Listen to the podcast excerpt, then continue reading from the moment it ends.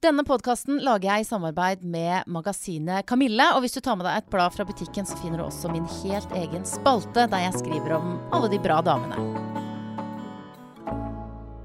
Altså, før jeg introduserer Veldig bra. Ved dagens gjest må bare pudre nesa litt. Det er veldig fint fra før. Dere skal få snart vite hvem det er. Jeg tenkte bare jeg skulle begynne denne utgaven av Bra damer med å si tusen takk til alle dere som engasjerer dere og kommer med tilbakemeldinger, sender mail og liker på Facebook og rater på iTunes og alt mulig. Fortsett gjerne med det.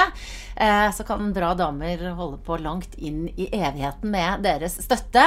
Blant annet med gjester som eh, i dag.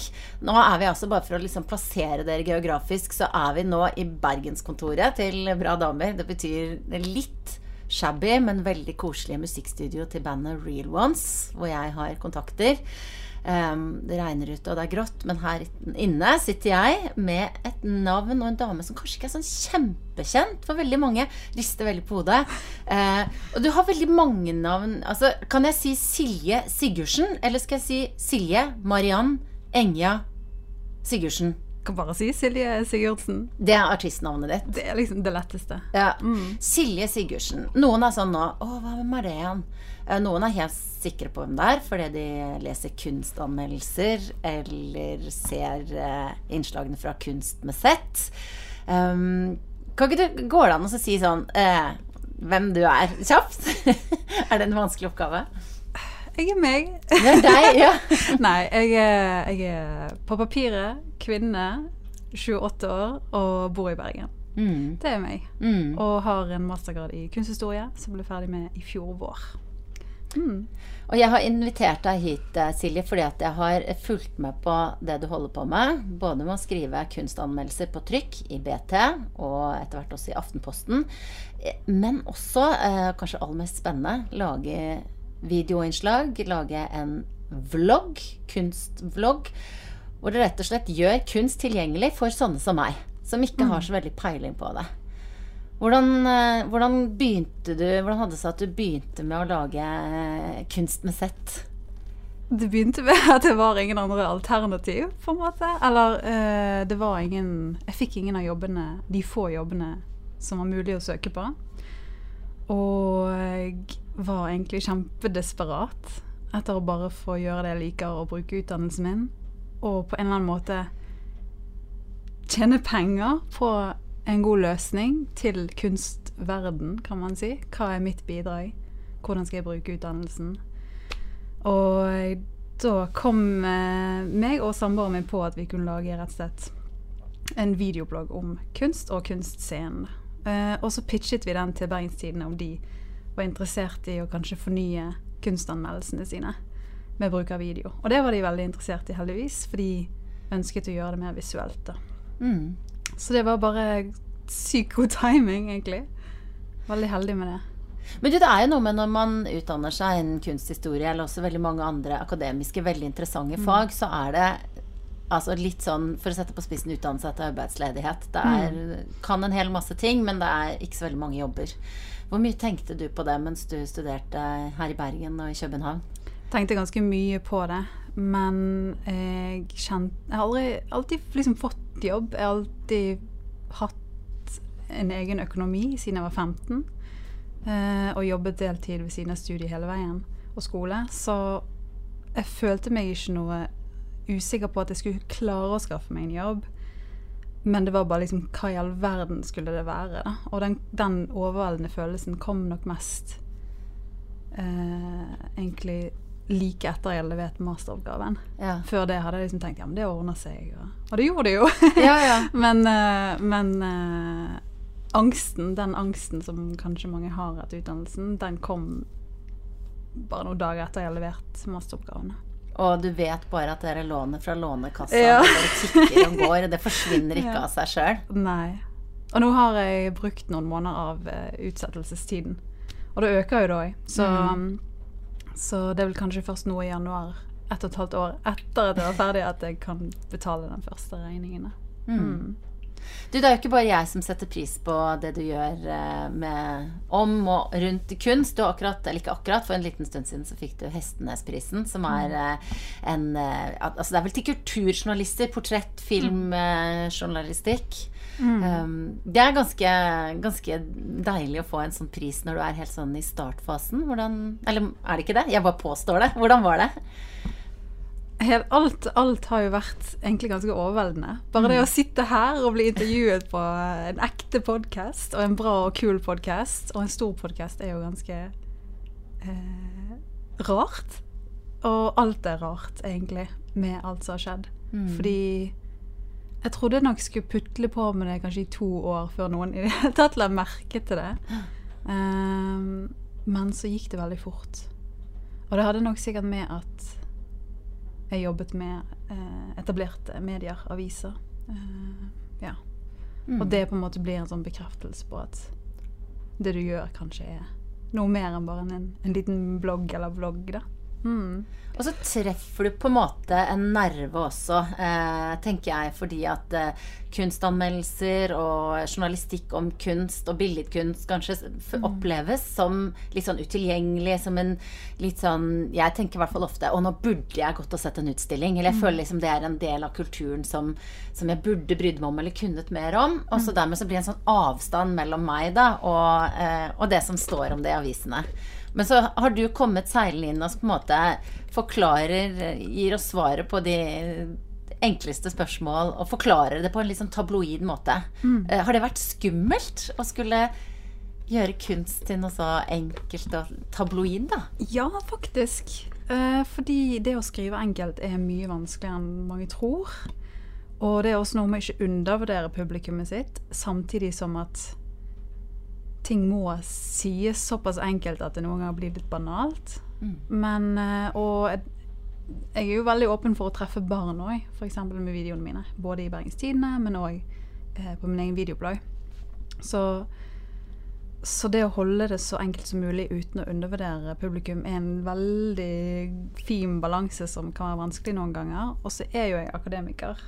Jeg har jo sånn skrevet Hvis du skrev ti sider, var jo det en bitte liten oppgave, og her får du 3000 tegn, som er kanskje en og en halv side. Ikke det engang. Til å få inn noe så komplekst som kunst. Så for meg er det uvant å skrive kort og enkelt. Og det er noe som jeg fremdeles bruker mye tid på, energi på å, å, å spisse og pusse tekstene mine. Det er liksom det og klipping av video som sluker uh, Ja. tiden. Mm. Gjør du alt det tekniske arbeidet selv? Gjør alt uh, sjøl. Mm. Hvordan har du lært deg det? Med å bare gjøre det. Og, men selvfølgelig altså, hvis, Det eneste måten å få gjort dette på, er jo å ha masse gode folk rundt deg. Som igjen liksom pusher deg i gang, og pusher deg i riktig retning. Og ikke er redd for å si ifra 'Hei, hei, nå gjør du feil', eller eh, 'Der mangler du et Altså som hele tiden er på det, og sier fra bare som om jeg mangler et komma, eller plasserer noe feil, eller liksom har en eller annen skrivefeil, til det mer overordnede som Ja, bare liksom hvilke taster er det du skal bruke for å klippe videoen Ja, ja. i programmet. Liksom alt har jeg fått hjelp til. Uh, og, men å, gjøre jobben og gjøre det og mestre det og gjøre det effektivt, det er jo noe jeg måtte lære sjøl over tid. Men du, en annen ting er jo når det gjelder dette her med å, å forenkle og tilgjengeliggjøre for liksom litt mer sånn uvitende folk som meg, så er det jo ofte når man eh, gjør det, så mener de som er spesialister at man forenkler, eller ja, ikke sant. Du var jo inne på det selv. Hva slags reaksjoner har du fått fra altså, flinkisen i kunstmiljøet? Ja, Skal jeg gå inn på det? Ja, vet du, gjør det, for dette er jeg nysgjerrig på. Skal jeg være helt ærlig? Ja. Uh, jeg har fått 80 positive tilbakemeldinger. Ja. Av anerkjente, etablerte i fagmiljøet, i kunstmiljøet, i bransjen. Og også fått litt sånn Litt sånn Kanskje en liten sånn pekefing innimellom, som er godt ment. Som er ment til å rett og slett forbedre meg som formidler og produktet. Uh, I beste mening. Men, men det, altså de andre 20% er jo, har jeg litt sånn anstrengt forhold til. Ja. Spesielt når de kommer fra de som er etablert og anerkjent og har en definisjonsmakt.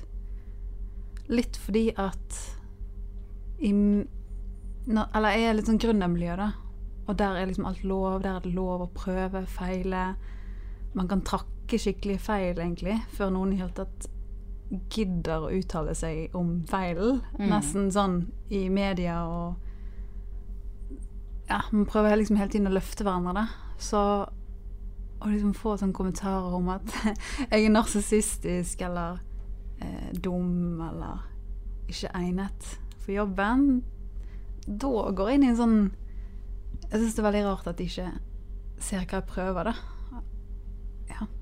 Mm. At jeg er ung og Ja. Ja, for der har du på en måte alt mot deg. Altså, Ung kvinne, nyutdannet. Ja. Og så sitter disse Nå vet jeg ikke hvem som har vært negative, men bare sånn sett utenifra, så var jeg ganske sikker på at du hadde fått noen sånne reaksjoner. Ikke sant? Men det er mest kvinner, faktisk, Ja. som kommer med det.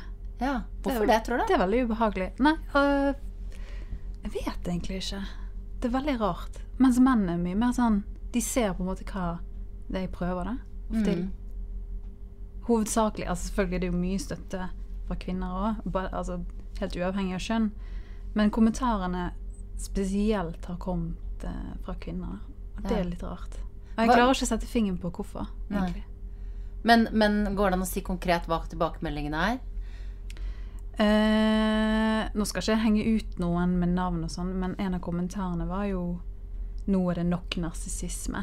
Og jeg tror det er veldig rettet mot selfieformatet selfie-formatet som Ja. jeg bruker. Så det holder kamera mot meg sjøl, og noen ganger eh, filmer jeg meg sjøl ved siden av stående ved siden av intervjuobjektet, og vi liksom har det gøy og smiler og sånn. Men eh, det er nok noe med at eh, kanskje det er et generasjonsskille der. Og de selfiene er rett og slett bare et verktøy til å gjøre folk eh, interessert og oppmerksom Mm. På det du vil si. Så det er ikke noe som treffer deg at du bare Å, shit, har det blitt litt mye Silje i monitoren nå, liksom? Mm, Det kan jo det bli. Men det handler ikke om at jeg personlig som menneske er, har et narsissistisk personlighetstrekk. Det er bare, Selfien er bare sånn et verktøy, rett og slett, Mm. for å få folk inn.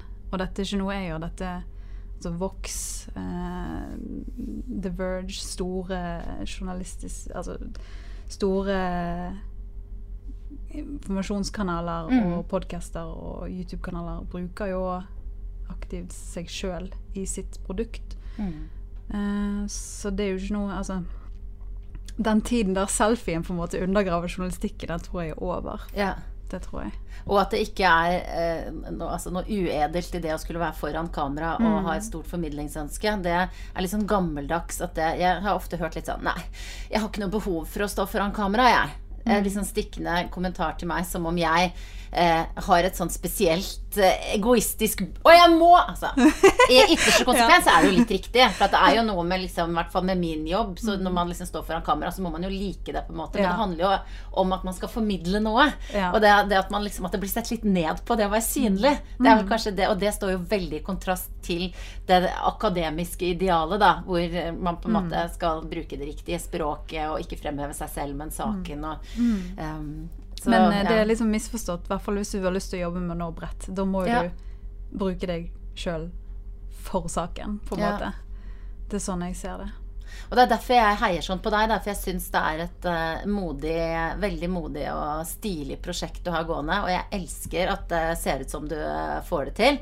Nettopp fordi at jeg skjønner at det er ikke bare bare å prøve seg i den sjangeren der. Og du har jo også vært modig og sagt eh, skrevet eh, kronikk og sagt at eh, kunsten har et kommunikasjonsproblem.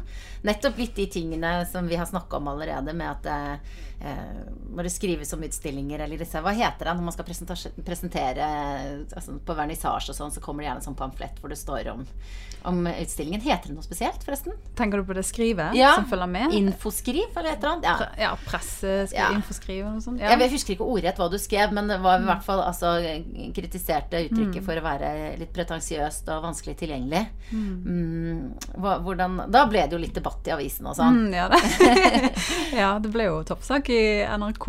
Ja. Noe som også var veldig overveldende, for da hadde jeg jobbet med det i tre og en halv, fire måneder. Mm. Så ja. Nei, det har vært en bratt læringskurve, men eh, jeg står inne for det jeg har skrevet og sier og mener. Mm. Og noe som har vokst mer ut av akkurat den debatten, i hvert fall for meg personlig, er jo jeg kjenner på en sånn Ikke bitterhet, men en litt sånn frustrasjon, kanskje, over at jeg ikke ble Eller vi, altså studentene, ikke ble kanskje forberedt nok. Mm. Eller vi ble ikke i det hele tatt forberedt på arbeidslivet, da, og hvordan vi skal bruke utdannelsen vår. Så det, hvis du hører på noe, UiB-rektor Jeg har en høne å plukke, men, men jeg, jeg har veldig lyst til å ha et lite lynkurs for eh, UiB-studentene i kunsthistorie. Ja. Om hvordan man kan bruke utdannelsen sin. da. Så jeg er på saken. Men, Ja, eh, men eh, det er jo helt sykt, egentlig.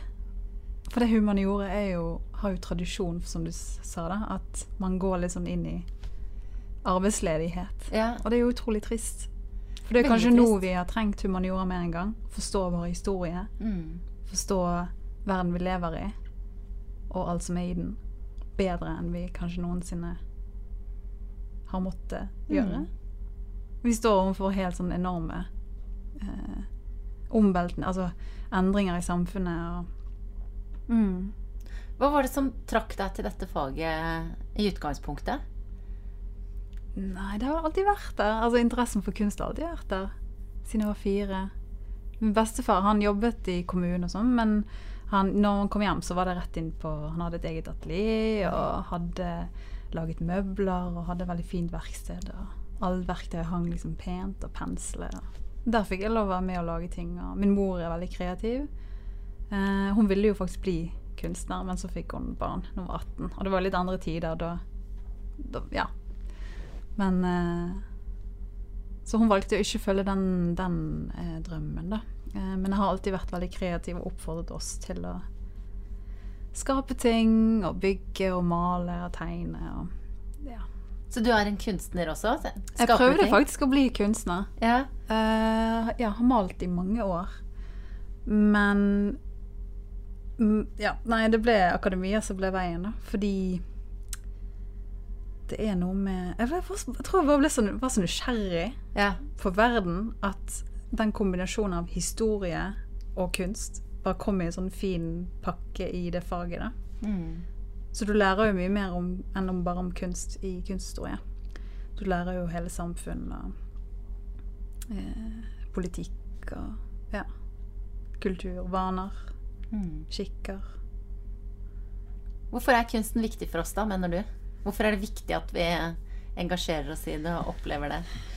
Jeg tror den fall for meg, og jeg håper og tror med dette prosjektet, er jo at den kan få deg til å tenke nytt om verden og deg sjøl. Og deg sjøl i verden. Og det er på en måte det den magiske kraften, kan man si, da, kunsten i mine øyne har. Det gjør den til noe unikt.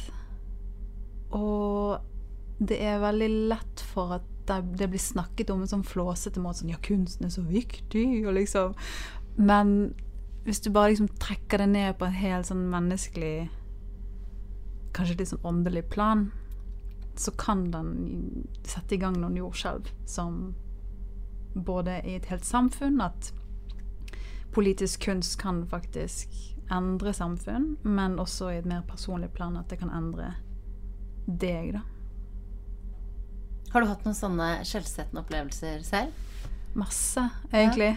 Inn og ut. Det er en veldig sånn dragning. Men jeg kommer ikke på noen konkrete jo, jo, men det er mest bøker, faktisk. Ja. Som er knyttet til eh, for eksempel Min spesiale er jo visuell kultur, visuell retorikk.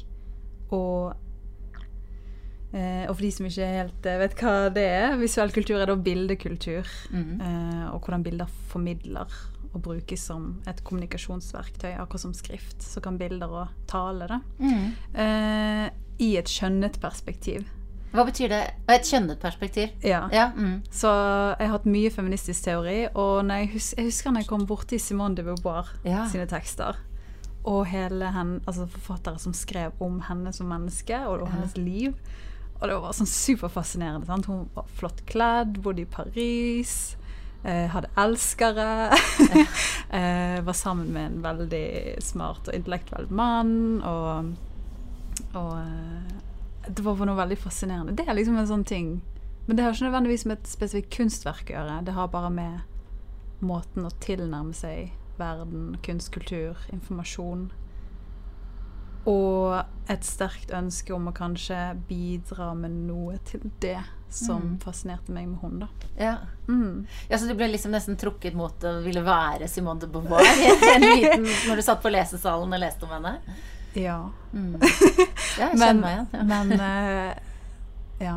Nei, det er noe med det. Mm. Bare hvordan folk levde. Altså, eh, det er så mye mer enn bare kunsten. Da. Det er liksom hele stilen og klærne og tidsånden og Der liksom kan jeg få noen sånn veldig sånn aha-opplevelser om meg sjøl og den tiden vi lever i nå, fordi jeg klarer å se det i perspektiv fra det som Mhm. var før, men men òg på en måte Ja, bare sånn som kvinne, da, i verden, og de kampene hun tok Mm. den gang. Mm.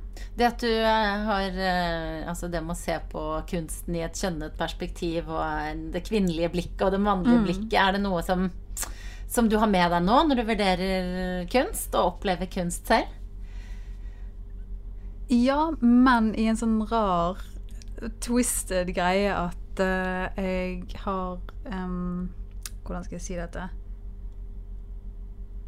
De siste årene har jeg liksom aktivt jobbet med å ikke gå opp i et kjønn sjøl. Ja. Altså, jeg, når jeg går ut i verden, så er jeg bare et menneske. ja. Og det tar jeg kanskje med meg inn i anmelderrolla òg, da. Og derfor sånn Hvis noen sier sånn 'som kvinne', eller 'du er en flink dame', eller sånn, så er sånn Jeg er jo bare meg. Jeg er jo Ja. bare et vesen som tråkker rundt her og forbruker forbruker og forsøpler og ånder og puster, liksom, som alle andre, da. Så det er liksom det jeg har tatt med meg, at Mm. jeg skal ikke gå opp i det ene eller andre. Jeg skal bare ikke være noe. For det er så flytende uansett, så det spiller ingen Altså, ja.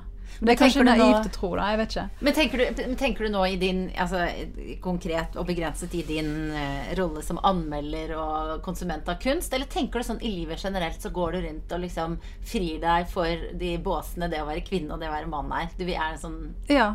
Helt holdent i alt Yes. jeg gjør. Ja.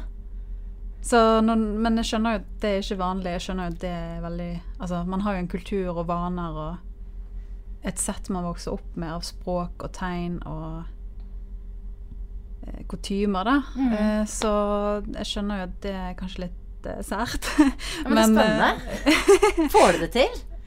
ofte. Ja. Veldig ofte. Mm. Men jeg merker det mest når jeg er i utlandet. Spesielt når jeg faktisk jeg var i New York nå nylig, og der er jo kvinner i mine øyne mer eh, stereotype kvinner. Sånn mange gikk litt pga. det bedre vær, selvfølgelig, Mm. men de gikk med kjoler og hæler, og kvinner gikk med hæler på jobb, og mens menn gikk i dress.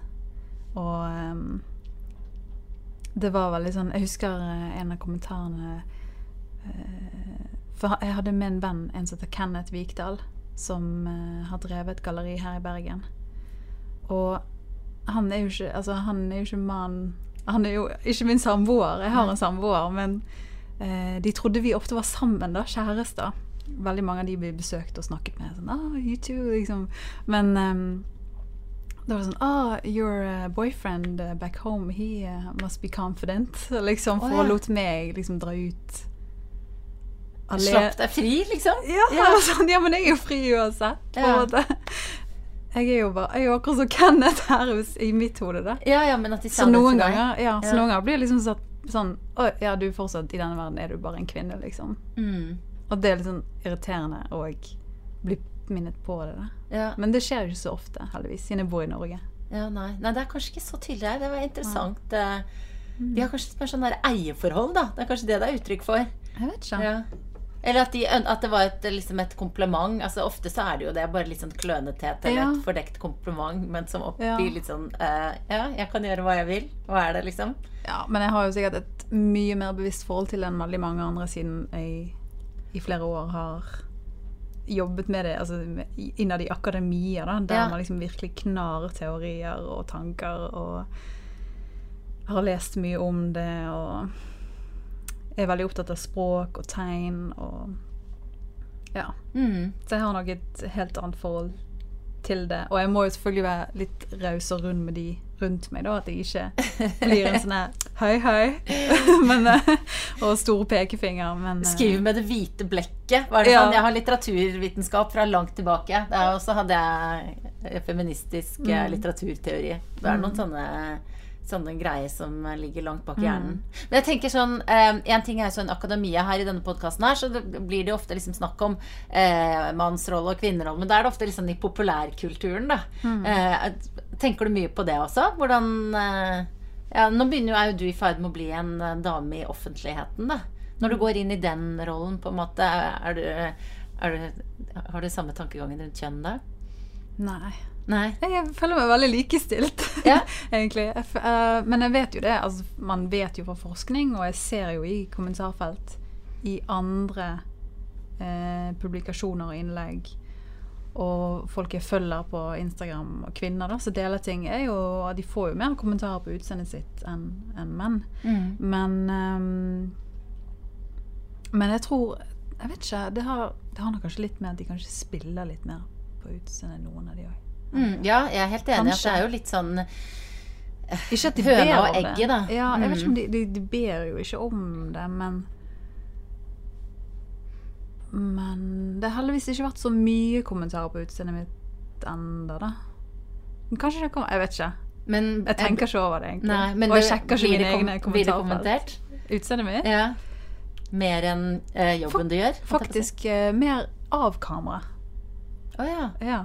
Nettopp, ja. Av de rundt meg. ja. Sånn Ja, men du er så flott på kamera. Og sånn. Det var sånn Ja. Fint at det ikke var liksom Alternativet er liksom hore i kommentarfeltet. Har du fått den? Nei. Nei.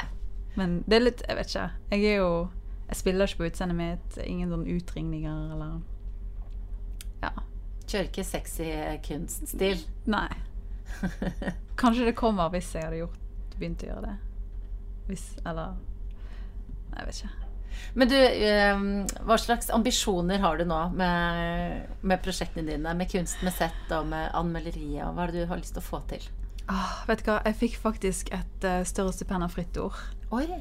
Som eh, Nå sitter jeg bare liksom og holder meg i hendene. Ja, folder hendene nærmest nå. Ja, tusen takk for det. Fritt ord. Eh, det betyr at eh, kunst er sikret i 2018. Og jeg kan bruke de som jeg vil. Og det jeg ser for meg, er at jeg kommer til å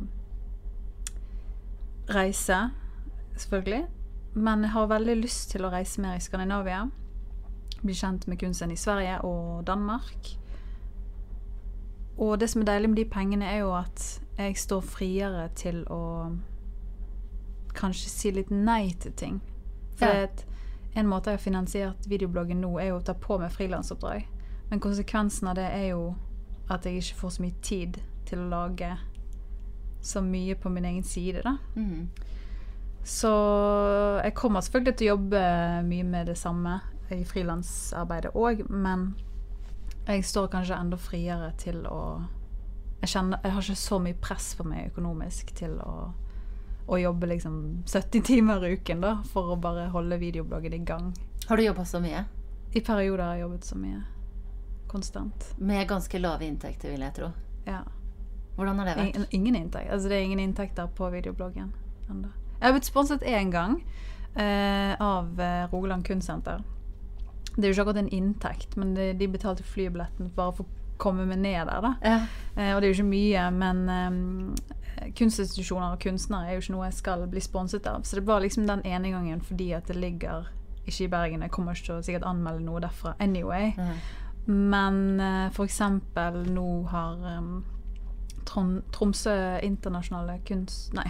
Trom, nå har Tromsø internasjonale filmfestival tilbudt seg å sponse meg med en tur opp der. ja. Så det er jo på en måte en, en måte å dekke noe av de store utgiftene.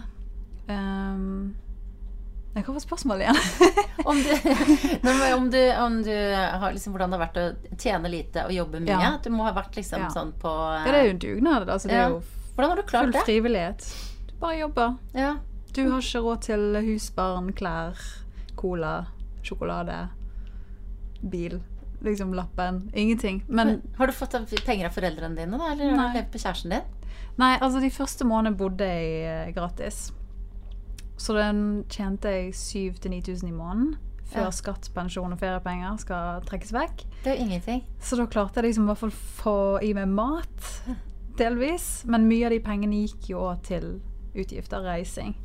Så det er jo Altså det er jo liksom ikke noe glamorøst ved det. Men nå er jeg oppe i en inntekt for frilansarbeid rundt 15 000-16 000. Mm. Og det er jo en dobling. Så målet er jo kanskje å liksom inntektsmessig doble der igjen. Eh, over nyttår. Det går an å eh, støtte prosjektet ditt også. Det går an. Ja. På patreon.com. Søk etter kunst med Z.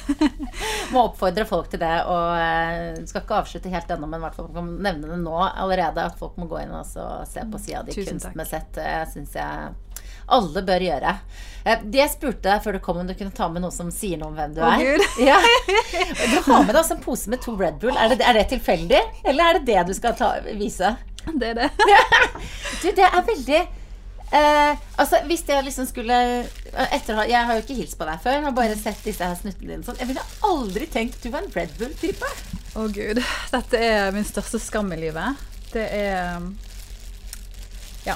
Jeg har kjøpt hver sin. Den er frisk og kald, tilfelle du vil ha en. Herregud, jeg drikker aldri Red Bull. Gjør ikke du? Nei, jeg, altså, Ikke begynn.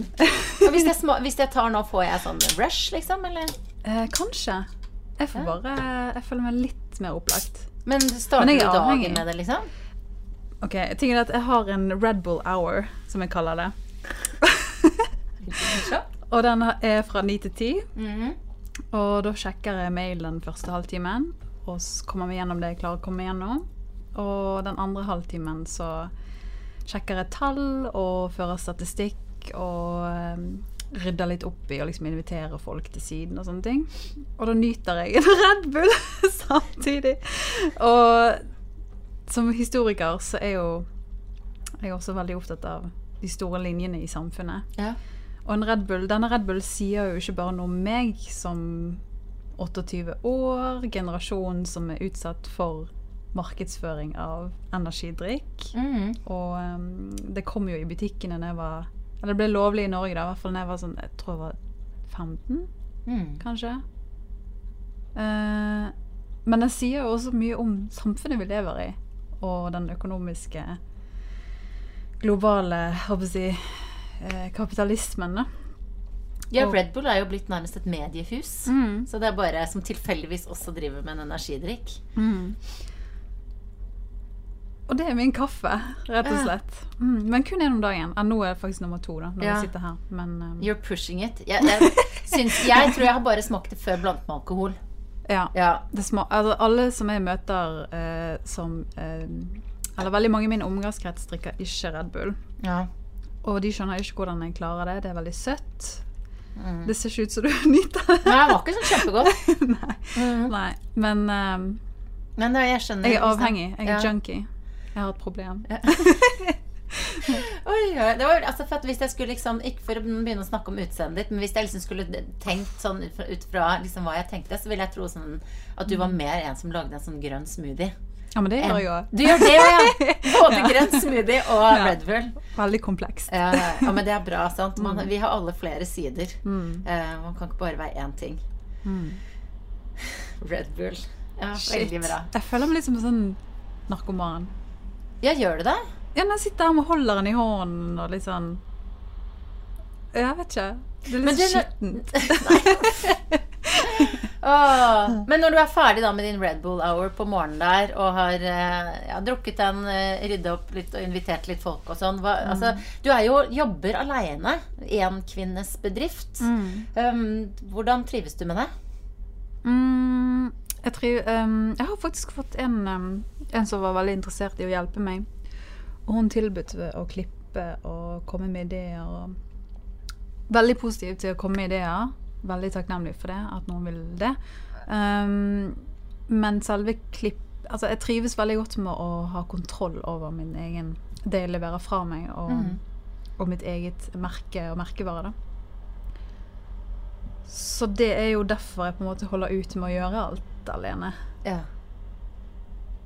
Ja.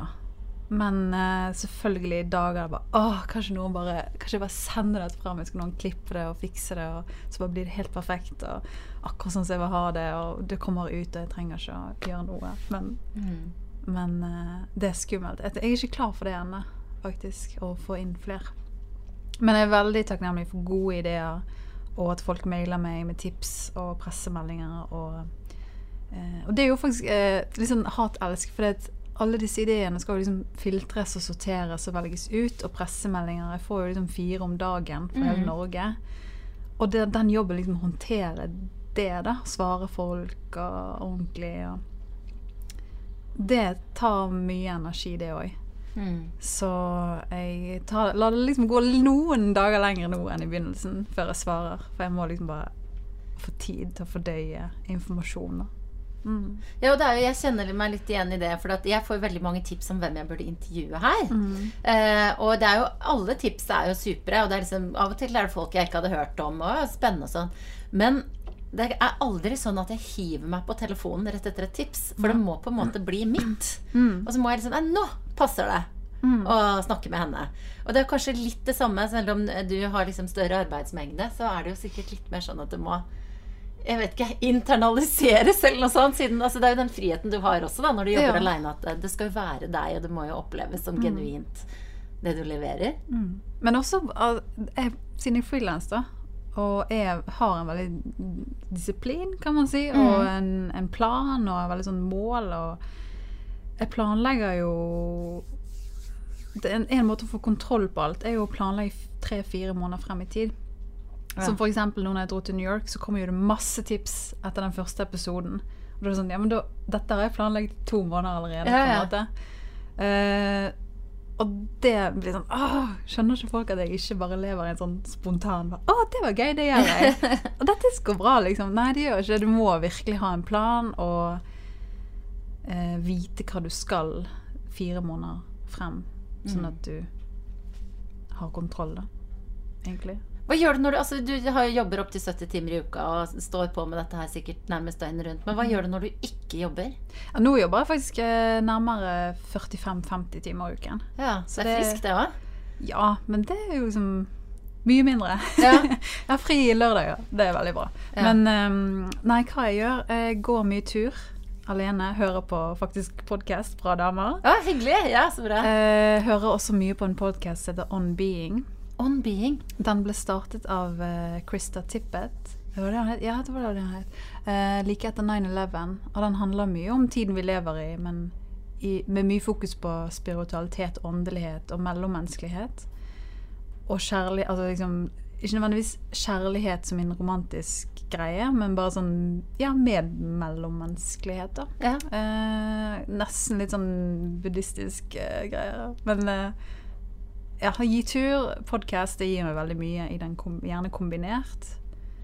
Og så bruker jeg mye tid på å lage mat, faktisk. Oh, ja, ja. For jeg er veldig opptatt av å spise Litt sånn som en idrettsutøver.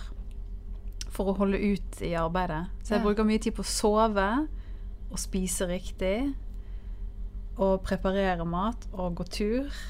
Og input eh, i podkast og nettaviser og sånne ting. Og litt bok innimellom. Sånn at det hele deg skal bli liksom maks, Maks. utnyttet. Ja. Ja, Og det egentlig høres kanskje trist ut for noen. Jeg syns det er veldig deilig, men jeg forstår jo at dette også er en fase. Ja, Jeg har vært igjennom denne party girl-fasen. Ja for bare sånn fester du ikke, for eksempel? Nei. Ingenting? Sjeldent. Ja. Veldig sjeldent. Og når jeg først gjør det, så sånn OK. Nå. Da er det redd Bull med vodka eller? Er det? Ja. Er det det? Nei, det er hvitvin. Ja. Iskald hvitvin. Ja, den og en Red å Bull. spotte. Ja. Oi, du, jeg har noen sånne kjappe spørsmål som jeg pleier å stille til alle gjestene mine. Eh, Hva spiste du til frokost i dag? Altså, Da vet jeg jo at du i hvert fall har hatt en Red Bull, da. men eh, pleier du å spise noe frokost, da? Spiser det samme hver dag. Ja. Igjen denne liksom eh, disiplinerte idrettsutøveren i meg. Ja. Eh, to knekkebrød, Vasa havre med godt smør. Mm. Kokt egg. Akkurat kokt sånn at det ikke har kokt, men ikke er bløtt. Sånn at du kan kutte det men det er fortsatt litt sånn mushy i midten. Sånn åtte minutter, da? Eller? Syv, ja, åtte? syv og en halv, kanskje. Ja, nettopp. Ja. Salt og eh, et brunost eller eh, ost med masse agurk på. På den andre. Så det, har du, det er liksom en sånn rutinegreie? Det er rutine. Og Ja. et glass vann først. Uten noe sånn kullsyre. Bare rent vann. Mm. For å våkne, liksom komme i gang. Og så blir klokken ni, og da er Red Bull Ja. i gang. Nytt glass vann, og så pusse tennene. Men jeg jobber mye hjemme. Og hvis jeg har tidlige møter, da selvfølgelig dropper jeg Red Bull. Eh, da utsetter jeg den Red Bull-houren. Kanskje en time eller to. Det var veldig gøy. Ja. Eh, Hvor lang tid brukte du på å finne ut hva du skulle ha på deg i dag, da? I dag la jeg faktisk ut en video rett Eller en halvannen time før jeg skulle hit. Så det som er viktig i den første timen, er jo å få folk til å like og dele og eh, rett og slett svare i kommentarfelt. Sånn at i Facebook-algoritmen så er det liv rundt videoene dine. Mm. Og da drukner han ikke så fort i alt innholdet som legges ut på Facebook. Så da ble jeg liksom presset i tid. Satt jeg og knotet med det eh, en stund. Og så var det egentlig bare å kaste på seg en jeans og en hvit ullgenser. Men dette er det jeg bruker mye når jeg filmer eh, videoer. Mm. Så det, det er liksom et antrekk som går igjen. da. Men er du, er du en forfengelig person, eller? Estetiker er det jo. Jeg er jo det, men eh, jeg har egentlig ikke tid eller ressurser, altså økonomi, til å tenke interiør og klær og sånne ting. Så jeg må bare ta det jeg får og har råd til, og det som er praktisk og varmt, men samtidig fint og enkelt og presentabelt. Mm. Men selvfølgelig altså, hadde jeg hatt en helt annen økonomi. Det er jo masse fine klær der ute, og det er liksom masse fint man kan kjøpe og gå med. Men jeg har faktisk litt anstrengt forhold til klær, Hvorfor det? være helt ærlig. Er veldig sånn bitt av den eh, minimalism-bølgen, som har også vært hardt markedsført mot min generasjon. Mm. Eh, ja, liksom det å eie ting er litt så skam, det òg, da. Man skal Mm. ikke finne glede i materialisme. Og jeg finner veldig stor glede i jobben min, egentlig. Mm. Så du er ikke noe du Nei, for dårlig samvittighet med en gang jeg har kjøpt noe, Ja, nettopp. og leverer det tilbake. Gjør du det? Ja, jeg gjør det. Jeg har et veldig anstrengt forhold til å kjøpe nye ting. Så når du har kjøpt deg liksom, Når var sist du handla et nytt plagg? Jeg, han, jeg har faktisk handlet litt på Zalando, men det, det går jo rett i retur. jo, så bare sender du det tilbake? Fordi du, Jeg prøver det, og så bare sånn Nei. For det, dette er 600 kroner for de skoene. Og det er jo ikke mye for et par sko engang. Altså sånn Eller en genser eller Sko bør gjerne koste 1500 minst for at de er gode og liksom mm. veldig bra. Men uh, men altså, de pengene der kunne reist til Berlin, truffet folk uh, Kunne kjøpt meg en uh, ny mikrofon. Liksom, altså, sånn, jeg bare tenker veldig praktisk rundt pengebruken. og du er liksom inni den gründergreia? Er det det som gjør det? ja. Ja. men generelt sliter jeg med å eie ting. ja. Det er veldig rart. Ikke det verste du kan slite med, da. Det er jo en sunn holdning. Jo, men det kan gå litt over stokk og stein. Noen ganger har ikke jeg liksom Jeg har ingenting å gå med i visse settinger, da. Uh, og da føler jeg veldig at jeg ikke er kledd for den, den jeg er. Eller jeg føler ikke meg vel fordi at jeg måtte liksom bare ta på meg noe sånn for fem år siden, Ja. og som er kjempestygt i dag, liksom. Men det er sånn hvis du skal på en sånn vernissasje, da. Du er sikkert på noen sånne der, eh, Nei, der er det bare jeans, og der, okay. det, det er jobb. Altså, det er veldig sånn Hvilke settinger er det du sliter, da? Fest, for eksempel. Hvis noen arrangerer en fest, eller sant, Jeg har liksom ingen sko. Skal jeg gå med joggesko? Jeg vet ikke, Da føler jeg meg veldig stusslig. Og det er ikke en god følelse, så det kan gå litt over stokk og stein. Det å ikke eie fine, kule, dyre klær. Vet, hvis det er noen som skal gi Silje julepresang i år, så vet dere hva hun ønsker seg til jul. Gavekort! Oi. Sånn at jeg ikke, ikke penger, men gavekort, for da må jeg Ja, bruke må det du. på, på liksom den butikken eller Ja, ja, ja. den, den nettsiden. da. Godt tips. Det neste spørsmålet er jo da ikke noe materialistisk. Det har mer med mellommenneskelige og kjærlighetsforhold å gjøre. Når hadde du sex sist? Nei, uh, shit. Uh, lørdag. Lørdag. Du har Lørdag. kjæreste, skjønte jeg gjennom det Ja. jeg snakka nå. Ja. Ja. Hva er det han jobber med? Han uh, er ansatt i Skipsted, men så hoppet han av for å starte noe som heter Live-In. Altså L-I-V-V-I-N. Mm. Ingen G. Nei. Og det er rett og slett en nettside for boliger som kommer til salgs. Så dere er litt sånn gründertype begge to? Ja, men det som skjedde nå var at det ble ting, Skipsted eide 70% av Livin og finansierte hans lønn og, og konseptet. Og selskapet. Livin var et eget selskap, men det var finansiert og deleid av Skipsted. Men um, nå er det solgt Han har kjøpt ut av det. Skipsted har kjøpt seg 100% og nå jobber han eh, i finn.no. Å ja. Så nå er han med å på en måte integrere Livin i Finn, tror jeg de skal jobbe med nå. Det er veldig mye frem og tilbake, og mye som skjer bak kulissene. Han liker å holde kortene tett til brystet. Men, eh, men nå er det liksom Ja, det skjer noe der, da, med Livin og Finn. Eh, og nå. Men da jobber dere sikkert mye eh, begge to. Fri på lørdager, da, har jeg skjønt Ja. nå. Da.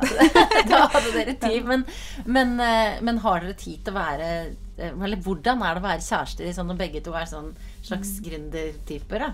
Det går greit nå, siden ingen av oss har barn, eller egentlig vil ha barn enda. Men jeg tror med en gang jeg blir på tjukken, så vil det være ganske anstrengt. Nå er det bare deilig. Mm. Og vi dyrker jobben vår eh, veldig. Men, men det vi er flinke på, er jo at vi reiser vekk. Tar oss fri. Sammen et sted som ikke har noe med jobb å gjøre. Enten er hytten til foreldrene, eller Berlin er vi mye i. For det er billige billetter til Berlin. Ja. Takk, Norwegian. 600 kroner istedenfor nye sko. Ja. Ja. Uh, og uh, ja, så vi er flinke til å liksom, Når vi først tar oss fri, så er vi veldig sammen. Mm. Mm. Hva syns du kjennetegner en bra dame? Det er litt vanskelig å svare på, egentlig. Fordi igjen dette med alt om kjønnsteori og feministisk teori, som jeg har farget meg sjøl og mitt syn på verden så mye. Um, bra dame. Nei, det er kanskje lettere å snakke om bra menneske. Bra. for Ja, meg. ja, ja. Ja. Nei, det er vel en som er raus Mm. med seg sjøl, først og fremst, og de rundt seg. Og en som er sikker i sin væren i verden. Det betyr ikke at de ikke har lov å være sårbare eller usikre innimellom, men at de har en eller annen sånn 'Dette liker jeg, og dette står inne for'. Jeg tror det er veldig viktig for å være et bra menneske. Mm. Men selvfølgelig, altså bra damer er jo sånn Simone de Beauvoir og flotte klær og sko og liksom Ja. Det er jo sånn oh, Bra Mm. dame. Mm. mm. En som er veldig flink til å ta vare på seg sjøl, egentlig, og, Ja. og evner å på en måte gi noe tilbake òg. Mm. Mm. Fin beskrivelse. Mm. Silje, tusen takk for at du kom hit med din Red Bull. og eh, igjen så må jeg bare oppfordre alle til å sjekke ut sida di, eh, Kunst med Z. Følge med på eh, Silje Sigurdsen. Merk deg navnet! Takk. Hørte henne i Bra damer. Eh, jeg heier veldig på deg. Syns det er kult. Tusen takk. Ja. Tusen takk. Takk for at du kom. Takk for meg. Fra denne, dette støvete studio. Nei, nå skal jeg ikke si det flere ganger. Når du nå er ferdig med å høre min podkast Bra damer, så tenkte jeg å anbefale en annen podkast du bør høre. I hvert fall hvis du er opptatt av kriminalsaker og hvordan de egentlig løses. Kollega Kristoffer Schou har fått komme tett på Kripos og få følge deres eh, arbeid. Og i podkasten Chris på Kripos så får du et eksklusivt innblikk i deres eh, etterforskningsmetoder. Mm, akkurat denne saken er sånn mobile vinningskriminelle som har reist rundt i landet og gjort innbrudd. Um, og så har de hatt med seg GPS og vært så lure at de har på en måte lagret stedene de har uh, brutt seg inn. Nei, de har, ikke, har de gjort det? Ja. På GPS-en? Ja. Nei, nei, nei. Er dette et skjermbilde fra GPS-en deres? Mm, ja, altså De blå punktene på kartet der er fra GPS-en, og de røde er på en måte innbruddene.